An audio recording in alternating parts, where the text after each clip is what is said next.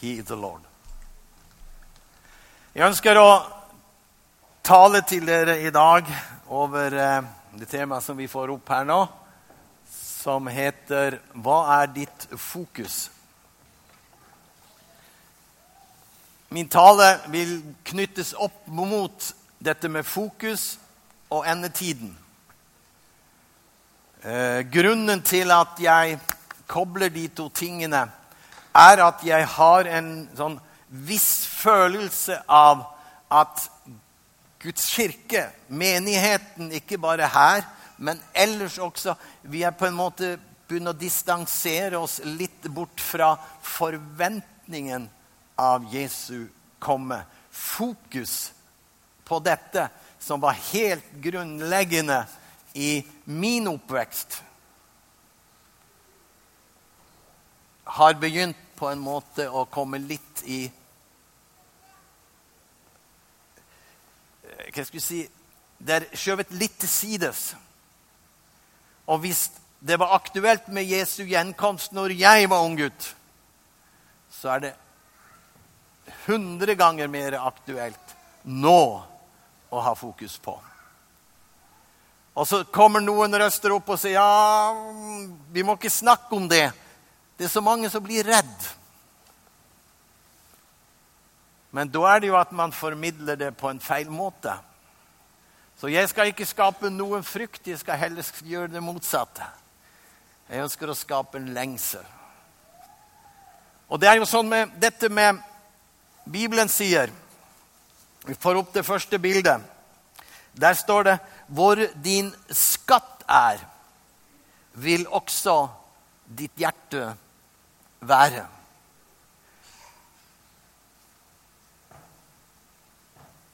Ditt hjerte, ditt indre, formes alltid opp mot det som du har fokus på. Fokuserer du på utfordringer, problemer, sykdom og mange sånne ting som er god grunn å fokusere på. Men har du ditt hovedfokus der, så blir det slik at der vil også ditt hjerte være.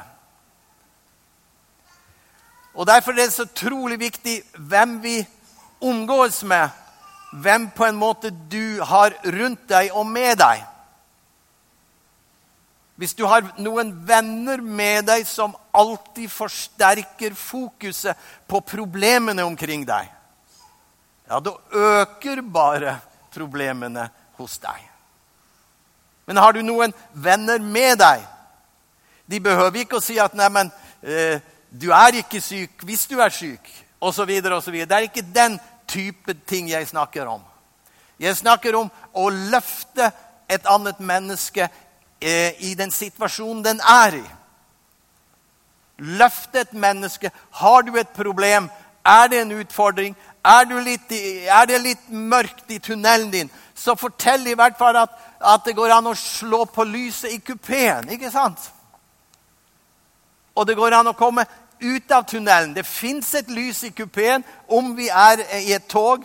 Du trenger ikke å ha det mørkt i kupeen likevel om du kjører med tog gjennom et tunnel. Det går også an å tenke seg at i enden av denne tunnelen så kommer det et lys. Og jo mer du klarer å fokusere på det som er positivt, jo mer vil du bygge opp deg selv til å møte også morgendagens utfordringer. Det er veldig mange som sier, 'Ja, men Gud, hvorfor kom du ikke?' 'Hvorfor hjalp du meg ikke i min situasjon når jeg hadde det vanskelig?' 'Hvor var du da?' Så kunne jo Gud ha sagt til deg ja, men hvor var du da før den tid? Du var jo aldri i mitt nærvær. Du hadde jo aldri fokus på meg. Og her er noe om dette jeg snakker om å ha fokus. Fokus er noe av det mest viktige i, eh, i en kristens liv. I det hele tatt i ethvert menneskes liv. Å ha positiv fokus. Jeg har Jeg har alltid sus i hodet mitt. Jeg har hatt det i en 12-13 år. Jeg husker første gang jeg opplevde at fokuset kom en, en Eller fokuset kom, Lyden kom en kveld. Jeg hadde akkurat lagt meg, og så begynte den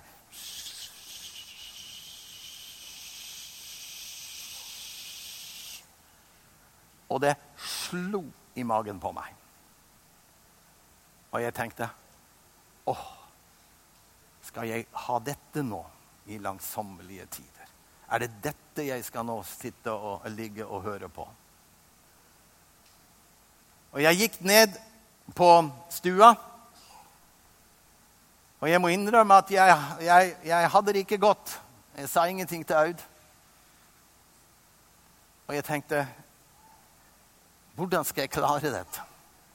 Men jeg husker der og da da sa jeg til Gud Gud, jeg ønsker å ha fokus på noe annet enn på lyden i hodet mitt. Hjelp meg. Og jeg kan si gjennom ti-tolv år nå så suser det der opp. Dere merker sikkert litt av det av og til. Men poenget mitt er at så snart jeg, disse tankene kommer, er så snart at denne lyden Når jeg oppdager den, så prøver jeg hele tiden og Nå kobler jeg over på noe annet. Jeg begynner å tenke på noe annet. Og etter en stund så er det glemt igjen. Og det er et sånt lite eksempel på at det går også an, både med egen hjelp og ved Guds hjelp, å fokusere bort det som sliter deg. Vi, alle mennesker, er i den situasjonen at ting opp, kommer i vår vei. Noen får et gudsord som kommer inn i din vei, inn i din krise, inn i din situasjon. Og jeg kan vel få lov å henvise til Åse. Vi har vært på kontoret uh, mye før i dag. Og da husker hun sa alltid 'Jeg har fått et ord' opp mot en sak. Og det ordet som Gud ga meg, kommer jeg aldri til å kutte ut. Jeg kommer aldri til å gå bort fra det. Jeg bare vet at jeg vet at jeg vet at Gud har sagt det. Og det er egentlig en fint eksempel på dette å ikke miste fokus. Fokuset er Eller sannheten er egentlig at mange ting er som det er. Negativt. Men jeg har ikke fokus på det. For min fokus har jeg et annet sted, som enten en hellig ånd eller Jesus eller en beslutning som jeg har tatt. Jeg er på en måte et annet sted i min fokus i forhold til min realitet. Og dette er noe som jeg mener Bibelen ønsker vi skal fungere i. Derfor vil dere se alle skriftstedene som kommer på skjermen nå gjennom den talen her. Der vil det stå 'se'. Og vi kan begynne med det andre bildet her nå. Se hva som står der. Se. Ha fokus på. I begge mine hender har jeg tegnet deg, og dine murer står alltid foran deg. Er det det det står?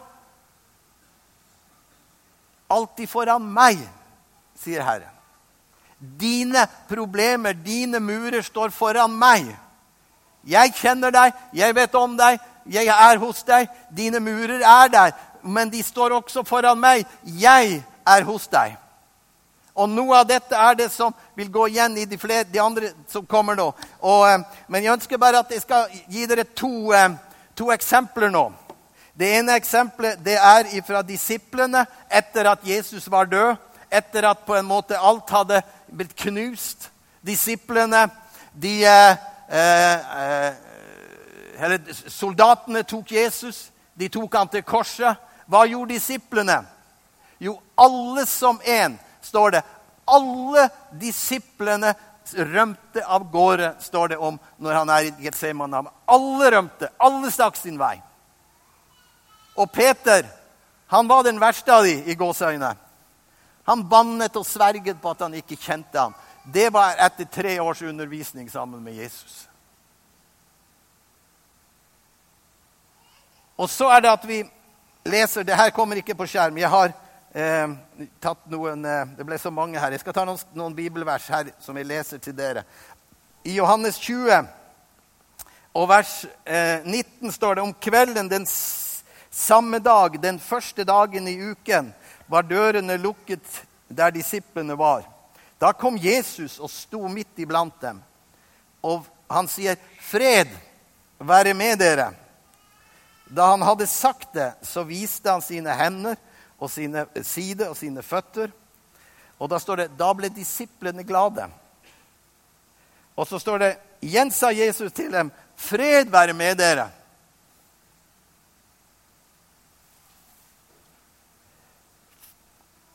Som Faderen har utsendt dere, skal jeg, meg skal jeg sende dere. Så står det han åndet på dem og, den, og de tok imot Den hellige ånd. Det er noe med teologi som er artig å snakke om, men det skal ikke vi gjøre her. Hvis dere tilgir noen deres synder, er dere tilgitt, og hvis de fastholder dem, er de fastholdt. Her ser vi Jesus. Her møter Jesus disiplene. Den Peter som bannet og sverget.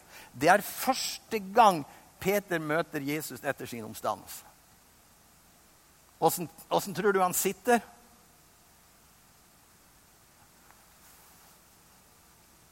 Jeg er sikker på han sitter og kikker bare i bakken.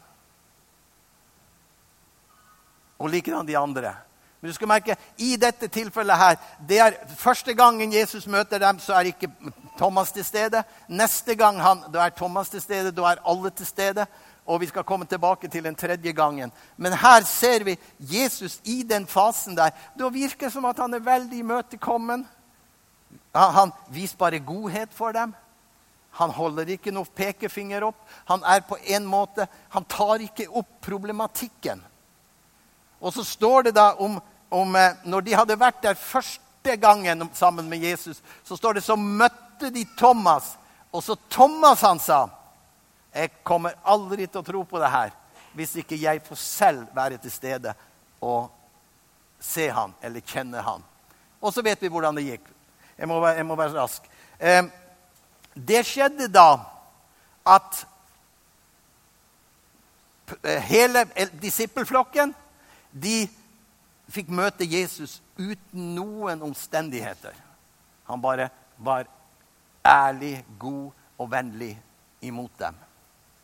Men så ser du neste gang de møtes Det skal vi, det skal vi se litt mer om. Og det finner vi i, eh, i, i, i Johannes 21 og vers 3, for det som har Bibelen. Johannes 21 og vers 3-6. Der vil du se noe interessant. Da har disiplene, da møtt Jesus to ganger. De er ikke, de er ikke, de er ikke så høye i hatten. Peter han sier til de andre disiplene Jeg tror vi går og fisker. Jeg tror vi går og fisker, gutter. Og så sier de andre gutta ja, vi blir med. Det var liksom ikke så høy tro og forventning. Men så står det her eh, Simon Peter sier til ham, 'Jeg går for å fiske.' De sa da til ham, 'Vi går med deg.' Men den natten fikk de ingenting. Da det ble morgen, sto Jesus på stranden. Og så står det her det var tredje gangen han åpenbarte seg for dem. Poenget mitt er nå at her vil du se at Jesus han møter disiplene igjen. Han møter eh, på Genesaretsjøen. Hvis du med, gir meg tre minutter Så når første gangen Peter møter Jesus, er i Genesaretsjøen Første gangen han treffer ham, da står han i båten til Peter, og så taler han til alle folket. Og det står at Peter holdt på å ordne garnene sine. Han hadde vært og fiska natt, men ikke fått noe. Det, er, det var første gangen. Og der sier Jesus til Peter, 'Peter, Gå og kast garnet ut. Og så står det de fikk så mye fisk at de måtte ha hjelp fra de andre til, og, og andre båtene for å fange opp all fisken. Så går vi tre år. Én, to, tre år. Jesus er stått opp fra de døde. Disiplene er i, i, i, krise. på en måte. De vet ikke helt hvordan de skal takle dette. De har sagt de starter, vi går og fisker. Og hva skjer? De kommer tilbake. De hadde ikke fått noe. Og plutselig så står Jesus der igjen. Jesus er den første og den siste. Han på nytt sier, hører Peter disse ordene som får hele hans tid sammen med han på en måte til å gå som i en film. Så sier Jesus til ham, ta garnene med deg på nytt nå. Og så går du ut, og så kaster du nå. Og denne gangen så kaster du Pass på, kast på høyre siden av båten. Og så står det at de fikk så meget at de ikke klarte å få med seg alt, står det. Og da står det Da Peter så det, så sier han dette må jo være Herren. Jeg kjenner jo han fra første gangen for tre år siden på samme stedet. Og så sier han, vik bak, ikke vik bak med meg, gå fra meg. Jeg er et syndig menneske. Jeg har mine feil. Jeg har mine mangler. Men der snudde Peters fokus. Nå var han på plass igjen for å tjene helt til han hang opp ned på korset og hadde tjent Jesus hele sitt liv. Hvorfor? Han endret fokus med et ord fra Jesus, med en berøring fra Jesus, med en hendelse fra Jesus. Og Det er det som jeg ønsker at du også skal oppleve. Det er ikke bare å ta deg sammen. Det er positivt. Men det går an å få med seg noe fra en levende Gud som forandrer deg, ditt sinn, dine tanker osv. Og der ser vi disipler som var på en måte De var, de var litt mismodige. Vi skal få se annet. Jeg vet ikke om, om, om uh, Viggo har klart å få et bilde fram til meg nå som har med løvehulen Jeg Se der, ja. Se der. Eh, det var en pastor som fortalte en gang en hendelse. Han hadde begynt ganske tidlig i en menighet. Og så ble det litt hardt og litt slitsomt. Og så er det en dag at han kommer gående, så sier denne damen til ham «Eh, kan ikke du bli med meg? Jeg ønsker å vise deg noe. Og Denne pastoren er en kjent pastor i Amerika i dag. Og han blir med, og så går denne damen fram. Så sier han, 'Kom her. Kom, og så ber du Se på dette bildet.' Jeg kan tenke meg at det var noe lignende som dette. Og denne kvinnen sier til han, 'Ser du Daniel?' Og så spør, 'Ser du dette bildet?' Og så spør hun pastoren, 'Hva ser du i dette bildet?' Så sier hun, 'Ja, de ser løven.' Vi ser noen, Det var der noen, noen benrester som lå på gulvet, og en del sånne ting. Og så når hun, han var ferdig å beskrive, så sier hun det viktigste i dette bildet har du glemt. Det er hvor Daniel har fokus.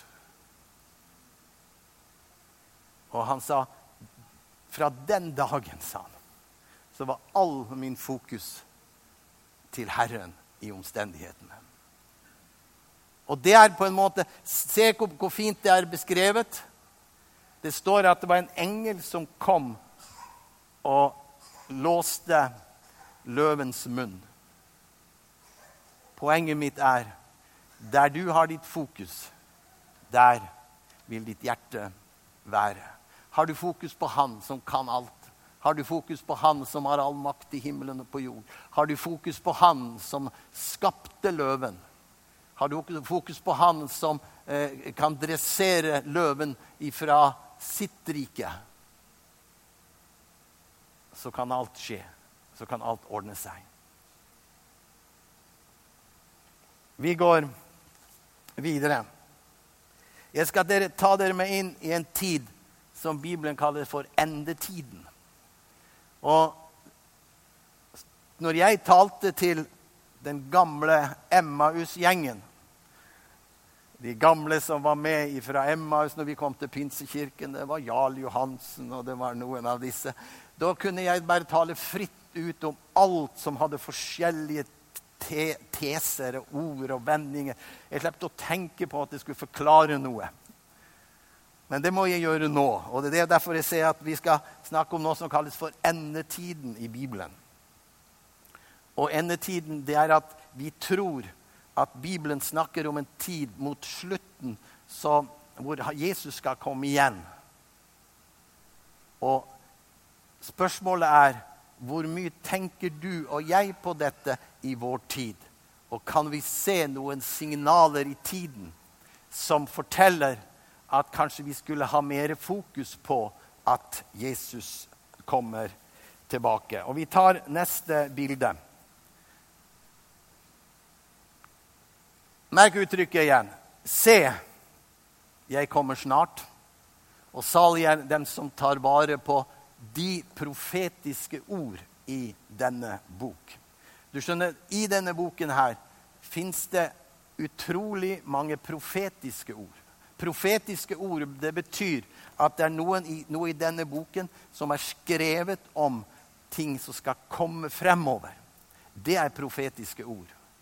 Og eh, en av de tingene som Bibelen er veldig klar på, det er at Jesus skal komme igjen. Denne, Å ha fokus på dette var, har fulgt de kristne gjennom alle år. Ta sånn som slavene, hvor de jublet, hvor de sang, hvor de gledet seg midt i sin forferdelige lidelse. De sang om Jesus som skulle komme. De sang om det som skulle komme. De hadde sin fokus der og det avlastet smerten hos dem. I denne, dette med, med, Jesu gjenkomst Du går bare helt tilbake til da Jesus eh, når Kristi himmelfartsdag Vi vet når disiplene for opp. Så skal du merke det at det første disiplene fikk beskjed om etter at Jesus hadde fart opp, og så så de han ble borte fra deres øyne i skyen. Så plutselig så står en engel der. Husk du hva engelen sa? sa han at ja, nå må dere jobbe godt, gutter. Nå må dere prøve å eh, gjøre en fin jobb. Må dere bygge menighet. Nei, han sa denne som for opp nå, Jesus, han skal komme igjen på samme måte som så, dere så han fare opp. Det var første budskapet de fikk tilbake av den himmelske verden. Og det er det som på en måte har med vårt fokus å gjøre. Det har vært drivkraften i, eh, eh, i, i, blant de kristne. Og i dag så, så, er vi her. Nå skal jeg, jeg skal, Den videoen som dere skal se nå, er litt spesielt. Jeg har eh, skrevet noe her i morges som er et, et resumé av det dere får se. Det er ganske heavy. Men jeg skal prøve å lese litt til dere som Dere fleste av dere kan det her på engelsk, men jeg skal prøve, så får dere lettere følge med som ikke kan så godt av engelsk. Det står det. Det gjelder en rabbiner som eh, heter Isak Kuduri, som er 108 år gammel. Han var Israels mest aksepterte og respekterte rabbiner. Et år før han døde forteller han at han besøk, fikk besøk i en syn av Messias. Denne Isak han var en, den, en, kanskje den største rabbineren og læreren som var i den som var i den, eh, i den eh, Det heter ikke ortodoks jøde? Jo, den ortodoks, blant de ortodokse jødene, ja. Og han kunne alt om Israels skrifter, og han, kunne, han, han, kunne, han var utrolig vis. Og som en, eh, en markering hvor stor han var I begravelsen så fulgte det 250 000 ortodokse jøder som fulgte han til graven. Dere får se noe av dette. Han hadde en sønn. Isaks sønn var 80 år da faren døde.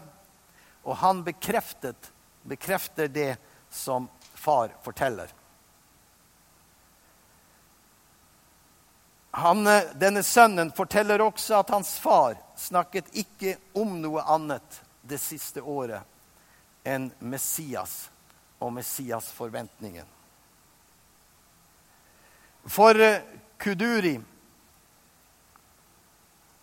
Før han døde, så skrev han et notis på et lite ark, som dere også får se. Og Der forteller han i denne notisen at Eh, etter at han dør, så skal eh, de åpenbare, eller de skal legge fram denne notisen. Eh, notisen forteller, I notisen forteller han at mannen som besøkte han i synet, var Jeshua, Jesus. I år, ett år senere, i 2007, blir denne notisen slått opp all, på alle nettsider, i alle aviser i Israel. Mens eh, Israel Today er det som, til, som slår det mest opp. Det som er noe underlig i denne hendelsen, det er at når Jesus besøker han, så sier han at Jesus at han skal komme igjen snart tilbake etter at Sharon er død. Og for vi og oss som kjenner litt rundt til Arild Sharon, så vet vi at han fikk et hjerteattakk i 2006, og at han har lagt i koma siden. Den 4. januar i 2014 ville være syv år siden han i, eh, i, eh, gikk inn i koma. Jeg har skrevet her jeg tar denne hendelse med i min tale bare som et supplement og ikke som en bibelsk sannhet. Så dere er veldig klar på det. Jeg ønsker bare at fokus på endetiden, fokus på det som skjer i tiden. Og dette er Messias-lengselen som er så stor over hele verden. Ehm, jeg vil også si at det er jo litt forunderlig likhet med det besøket som Jesus hadde til denne mannen, og til en annen høyt rabbiner som var på vei til Damaskus og hvor Jesus kom til ham, også i et syn, og sa til ham, 'Jeg er han som du forfølger'. Eh, og Jeg har skrevet her, jeg tar dette med. Kan dette få deg til å endre fokus, vil det glede meg. Kanskje vi kan spørre oss selv litt mer, alle sammen. Lever vi i de siste dager. Og gjør vi det, hvordan, det, hvordan påvirker det oss? Vi skal se denne videoen.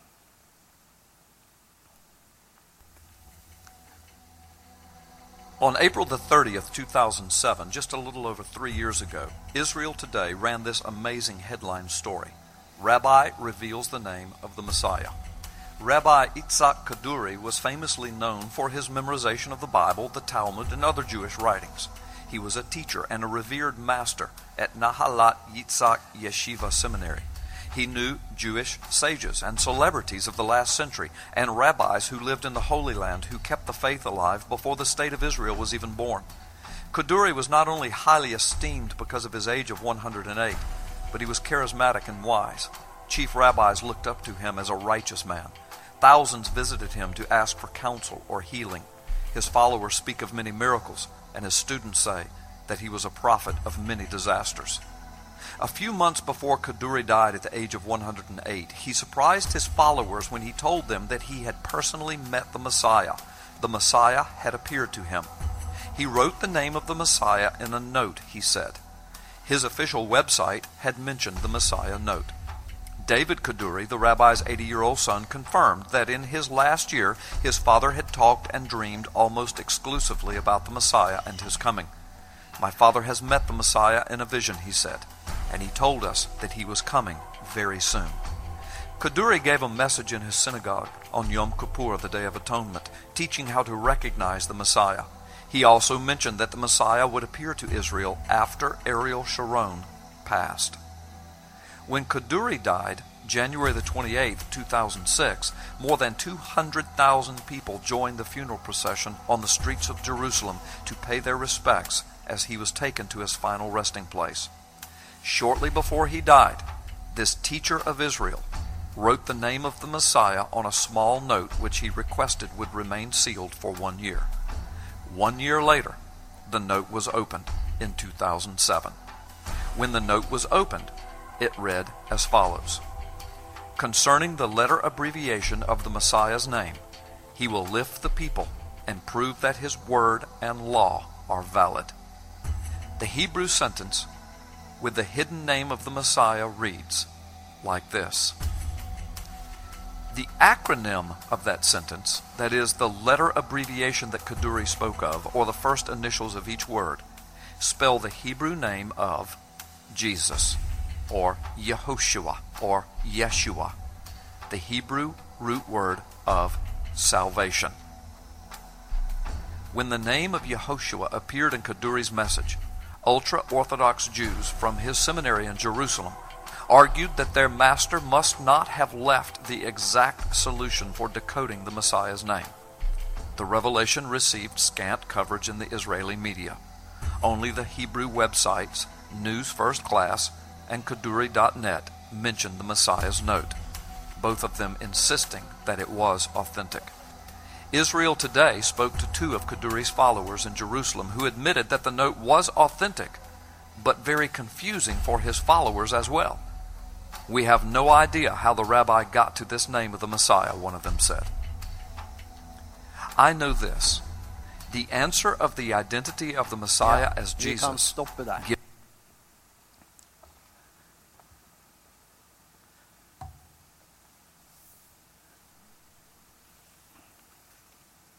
Jeg kan godt forstå at eh, vi er stille. Dette er jo veldig underlig. Men jeg vil si det på en annen måte. Det er ikke noe som skulle være umulig for Gud. Jeg ønsker bare å løfte fram fokuset på at vi lever i den siste tid. Jeg sier ikke at Jesus kommer igjen når Ariel Sharon dør. For alt som har med profetier, alt som har med åpenbaring, er stykkevis og delt, sier Skriften. Men det forteller noe. Det er noe i vår spirit, det er noe i vår ånd, som lengter efter Kristi komme. Det er noe som stør my spirit. Jesus kommer snart. Og spørsmålet er hvordan, du, hvordan, hvordan forholder du deg til dette? Hvordan tenker du rundt dette? Og så videre. Eh, jeg skal ta med noen bibelvers som har med den tid vi lever i, å, å gjøre. Eh, det, skal, det leser jeg fra, fra Bibelen. Og det står i åpen- åpenbaringen, det er den siste boka i Bibelen som Johannes, en av Jesu disipler, skrev mens han var, eh, mens han var forvist til øyen Patmos. Og Der fikk han mange syner og mange åpenbaringer, og det ble skrevet ned i Bibelen. Og så står det da i, i, i en av eh, i kapitlene i, åpenbaringsboken, og det er det 16. kapittel, der skal vi se litt om denne klimadebatten som har vært eh, oppe. Og eh, du skal merke deg hva som står der i vers 8 og 9. Der står det Så tømte den fjerde engel sin skål utover solen. Og det ble gitt en makt til å svi menneskene.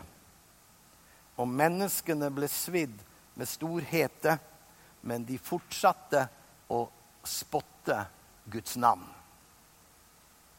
Så står det om i Matteus 24 Der står det om den tid som, eh, som, eh, som, vi, som beskriver noe av endetiden. Og der står det i vers Vi skal lese fra vers 24, vers 3.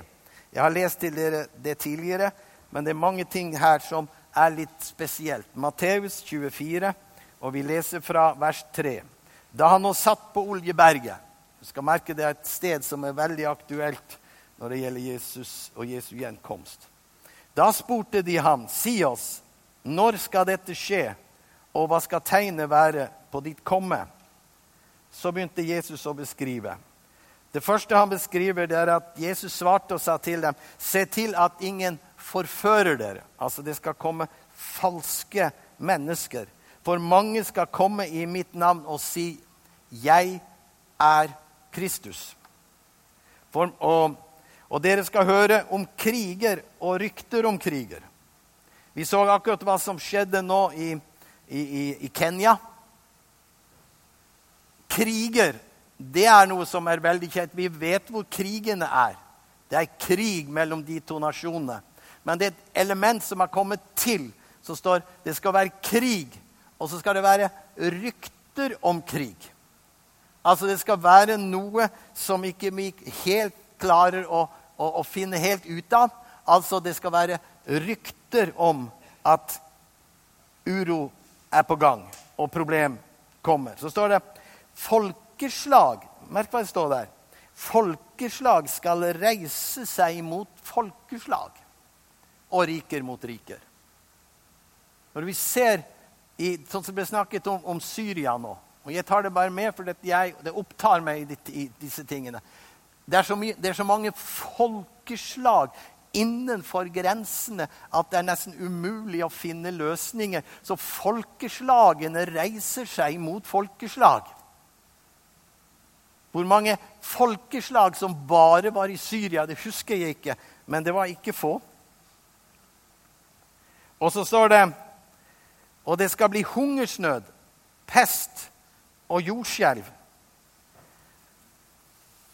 Og så står det Men alt dette er bare begynnelsen til veene. Ja, og så, og så står det eh, om å, utfordringene som kommer. Eh, og så skal vi se også så det står i, eh, i åpenbaring, det, det til slutt, i eh, åpenbaringen, det 13. kapittel. Eh, der står det om, også om økonomi. Og det, grunnen til at jeg tar dette med akkurat nå, at de snakker om det, skal ganske straks slutte nå, men det er noe her hjemme. Eh, åpenbaringen 13, vers 16. Eh, der står det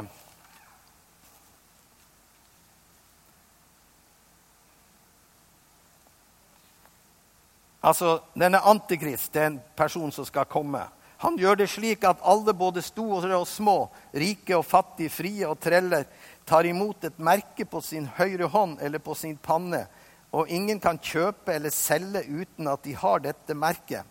Og dette navnet er tallets, eh, tallet for dets navn, og dets tall er 666. Eh, jeg hørte en setning på TV sagt Jeg husker ikke hvem det sa, men det var en av de som hadde programmet, eller de som var med i programmet. Og hør hva han, den personen sa. Han sier at når de utfordringene som nå ligger foran, som har med vår klode og hvordan vår klode skal eh, behandles, eller hvordan vi skal takle klimautslipp og alle disse ut, utfordringene, så sier han at det kan se ut som at demokrati ikke er nok til å løse disse problemer. Altså selve demokratitanken.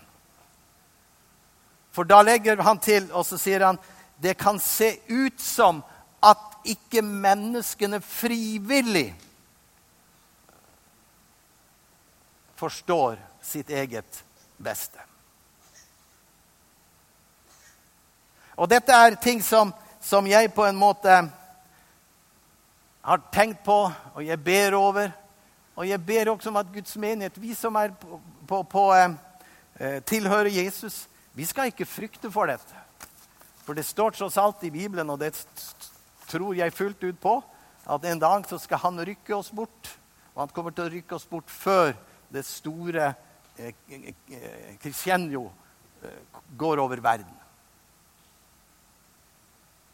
Men hør skal gi, Dere skal få to bibelvers til på skjermen som er en ettertanke av det som har vært. Og det, det ene som kommer nå, som heter Se, jeg står for døren og banker. Og der står det Og du kan ønske han velkommen inn, og så skal han holde nadvær med deg, og du med han. Poenget mitt her er at i dette som skjer nå, så spørs det da hvor vi har vår fokus. Jeg ønsker at du og jeg at vi skal lytte litt nå og høre Står han på din hjertedør og banker? Det kan være at du ikke er klar i din tro på Jesus. Så banker han på. Men er det sånn at du tror på Jesus, men har en annen fokus, så når han banker på hos deg, så sier 'Sorry, jeg har ikke, jeg har ikke tid nå.' Eller, han sier, hør, eller du hører ham ikke, for det støyer så mye inne i det området du er. Inne i det hjem som du representerer. Du tenker aldri på at han ønsker å få kontakt med deg. Og det samme gjelder med meg. Nå tar jeg bare et eksempel som dere ikke må ta bokstavelig. TV-en sto så høyt på at vi hørte ikke at han banket på. Sånn kan det være å ha feil fokus. Se, jeg står for døren og banker. Han ønsker så gjerne å komme inn og endre vårt fokus. Han ønsker så gjerne å ha fellesskap og nærhet med oss. Jeg syns det er fantastisk å, å, få være med i denne menigheten og se hva Gud gjør i denne forsamling. Og jeg gleder så meg over alle som har fokus mot Jesus og mot det arbeidet som vi står i. På masser av titalls mennesker som på alle folk, alle områder tjener Jesus. Men hør, det, et, det er et bilde til som kommer. Der står det dere sier at om fire måneder som kommer høsten. Men jeg sier dere, se, ha fokus på Markene er allerede hvite til høst. Der avslutter jeg. Og er, jeg taler denne talen, for det er noe som rører, som, som rører mitt indre. Det er noe som, som, påvirker meg av to sider. Det er at jeg opplever Den hellige ånd banker på for at vi skal være med som en, en, som en menighets... Altså individer i menigheten. Være med og gå ut og nå folket. Jeg vet Morten han tenker på akkurat det samme. Kirken må være en, en evangeliserende kirke. Men først så må vi invitere han inn. Se, han står for døren og banker. Se, markene, de er hvite til høst. Kanskje lovsangene kan komme opp.